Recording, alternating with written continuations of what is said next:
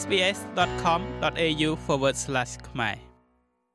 ការសងត្រឡប់ទៅវិញសម្រាប់ប្រាក់កម្ចីទិញផ្ទះកំពុងតែធ្វើឲ្យក្រុមគ្រួសារជួបការលំបាកជាងពេលណាណាទាំងអស់ដោយត្រូវបង់អស់មួយចំណែកធំនៃប្រាក់ចំណូលរបស់ពួកគេ វាគឺចាប់តាំងពីអត្រាសាច់ប្រាក់បានកើនឡើងពី0.1%ទៅដល់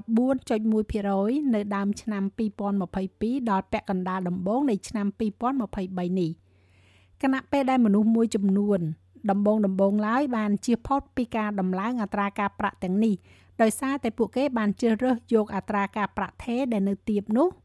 ក្រុមគ្រួសារអូស្ត្រាលីរាប់សែនគ្រួសារនឹងទទួលដឹងអំពីផលប៉ះពាល់ទាំងនេះដោយសារតែអត្រាការប្រាក់ថេររបស់ពួកគេនឹងផុតកំណត់នៅឆ្នាំ2023និង2024ខាងមុខនេះភាពតានតឹងឬក៏ stress ដោយសារតែប្រាក់កម្ចីទិញផ្ទះ វាគឺជាការពិតថ្មីមួយសម្រាប់ក្រុមគ្រួសារអូស្ត្រាលីជាច្រើនវាកើតឡើងក្រោយពីមានការកើនឡើងនៃអត្រាសាច់ប្រាក់ពី0.1%ទៅដល់4.1%នៅក្នុងរយៈពេល18ខែចុងក្រោយនេះការស្រាវជ្រាវថ្មីពីគេហទំព័រប្រៀបធៀបហិរញ្ញវត្ថុ Mozo បង្ហាញថាជនជាតិអូស្ត្រាលីម្នាក់ក្នុងចំណោម6នាក់ត្រូវចំណាយពី40ទៅ60%នៃប្រាក់ចំណូលគ្រួសារប្រចាំខែរបស់ពួកគេ ដើម្បីបង់សងទៅលើប្រាក់បំណុលទិញផ្ទះរបស់ពួកគេអ្នកនាង Kylie Moss គឺជានាយកមេត្តានៅ Mozo អ្នកនាងនិយាយថានៅពេលដែលការសងត្រឡប់មកវិញឬភាសាអង់គ្លេសហៅថា repayment នោះច្រើនជាង30%នៃប្រាក់ចំណូលរបស់ក្រុមគ្រួសារមួយគ្រួសារនេះនឹងត្រូវបានគេចាត់ទុកថាស្ថិតនៅក្រោមអ្វីដែលអ្នកនាងហៅថាគឺជា stress ឬក៏ភាពតានតឹងលើប្រាក់កម្ចីទិញផ្ទះភាសាអង់គ្លេសហៅថា mortgage stress So what this means is that the industry benchmark ដូច្នេះនេះគឺមានន័យថាជាស្តង់ដារឧស្សាហកម្មសម្រាប់អ្វីដែលត្រូវបានចាត់ថ្នាក់ជាកម្ចីទិញផ្ទះឬហៅថា mortgage សមាមាត្រស្តង់ដារសម្រាប់កំណត់ភាពតានតឹងទៅលើកម្ចីទិញផ្ទះគឺប្រហែលជា30% ដូច្នេះវាពិតជាបង្ហាញថាតើមានម្ចាស់ផ្ទះប៉ុន្មានអ្នកនៅទីនោះឥឡូវនេះនៅក្នុងប្រទេសអូស្ត្រាលីដែលស្ថិតនៅក្នុងបណ្ដុំនៃលក្ខខណ្ឌស្ថិតនៅក្រោមភាពតានតឹងលើកម្ចីទិញផ្ទះនេះសម្រាប់អ្នកដែលជាប់បំណុលនៅអូស្ត្រាលីអត្រាការប្រាក់ថេរជាធម្មតាត្រូវបានផ្ដល់ជូនសម្រាប់រយៈពេលពី1ឆ្នាំទៅ5ឆ្នាំជាជំរើសមួយផ្សេងទៀតក្រៅពីអត្រាការប្រាក់ប្រែប្រួលតែវាប្រែប្រួលទៅតាមអត្រាសាច់ប្រាក់ កំណត់ត្រាទាបនៃអត្រាសាច់ប្រាក់នៅក្នុងឆ្នាំ2020បាននាំឲ្យមានកំណត់ត្រាអត្រាការប្រាក់ទាបទៅលើបំណុលដែលមានរបស់បញ្ចាំដូចជាបំណុលទិញផ្ទះជាដើមនោះគឺមានអត្រាប្រហែលជា2%ប៉ុណ្ណោះប៉ុន្តែអ្នកដែលសម្រេចរើសយកអត្រាការប្រាក់ថេរដែលមានអត្រាទាបនៅក្នុងអំឡុងពេលនោះឥឡូវនេះកំពុងប្រឈមមុខនឹងការកើនឡើងយ៉ាងខ្លាំងនៃប្រាក់បង់សងត្រឡប់ទៅវិញដែលយើងហៅថា repayment នេះគឺដោយសារតែអត្រាថេរទាបបំផុតដែលធានាបានកាលពីឆ្នាំ2020ភាគច្រើនត្រូវបានកំណត់ថានឹងផុតកំណត់នៅឆ្នាំ2023និង2024នេះការផ្លាស់ប្ដូរពីអត្រាថេរត្រឡប់ទៅអត្រាស្តង់ដារប្រាក់កម្ចីវិញត្រូវបានគេស្គាល់ថាជាច្រាំងដ៏ចោតនៃប្រាក់កម្ចីឬ mortgage cliff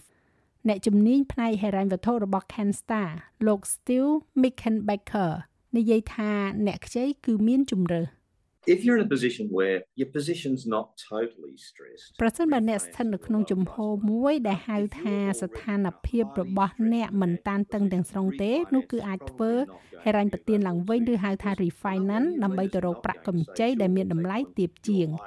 ប្រសិនបើអ្នកស្ថិតនៅក្នុងស្ថានភាពហិរញ្ញវត្ថុដែលមានភាពតានតឹងខ្លាំងរួចទៅហើយ ការផ្ដល់ហិរញ្ញប្បទានឡើងវិញប្រហែលជាមិនមានសម្រាប់អ្នកទេព្រោះអ្នកផ្ដល់ប្រាក់កម្ចីថ្មីមិនប្រកាសថានឹងទទួលយកប្រាក់កម្ចីដែលមានហានិភ័យខ្ពស់របស់អ្នកទេឥឡូវនេះប្រសិនបើអ្នកស្ថិតនៅក្នុងស្ថានភាពនោះអ្នកពិតជាត្រូវវិលបកទៅវិញហើយនិយាយថាតើខ្ញុំអាចកែលម្អហិរញ្ញវត្ថុគ្រួសាររបស់ខ្ញុំដោយរបៀបណាដូច្នេះអ្នកមើលលុយចូលនិងលុយចេញហើយនិយាយថា តើខ្ញុំអាចបង្កើនលុយដែលចូលមកដែលយើងហៅថាជាចំណូលនោះតាមរយៈការធ្វើការងារទី2ឬធ្វើការងារបន្ថែមមកឬក៏អ្វីមួយទៀតដែរឬទេហើយខ្ញុំអាចកាត់បន្ថយប្រាក់ដែលចេញទៅឬក៏ប្រាក់ចំណាយនោះដោយការសន្សំសំចៃអ្វីខ្លះបានដែរខណៈពេលដែលធនាគារកណ្ដាលនៃប្រទេសអូស្ត្រាលីហៅកាត់ថា ABA បានផ្អាកការដំឡើងអត្រាការប្រាក់ក្នុងរយៈពេលប្រមាណខែកន្លងមកនេះ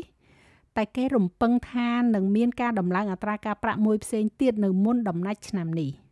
បើតាមលោកស្រី Moss នេះមានន័យថាពេលនេះគឺជាពេលវេលាសម្រាប់ការចាត់សកម្មភាព Now is not the time to kind of rest on your laurels. ឥឡូវនេះមិនមែនជាពេលវេលាដែលអ្នកត្រូវសម្រាកឬក៏ដកឃ្លានោះទេ វាជាពេលវេលាដ៏ល្អមួយ ដែលពិតជាត្រូវទៅហើយរកមើល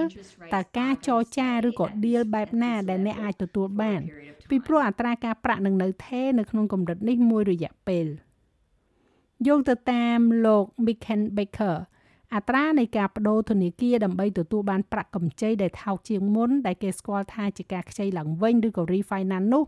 បានឈានដល់កំណត់ត្រាមួយនៅក្នុងខែកក្កដានេះ គឺមានចំនួនដល់ទៅ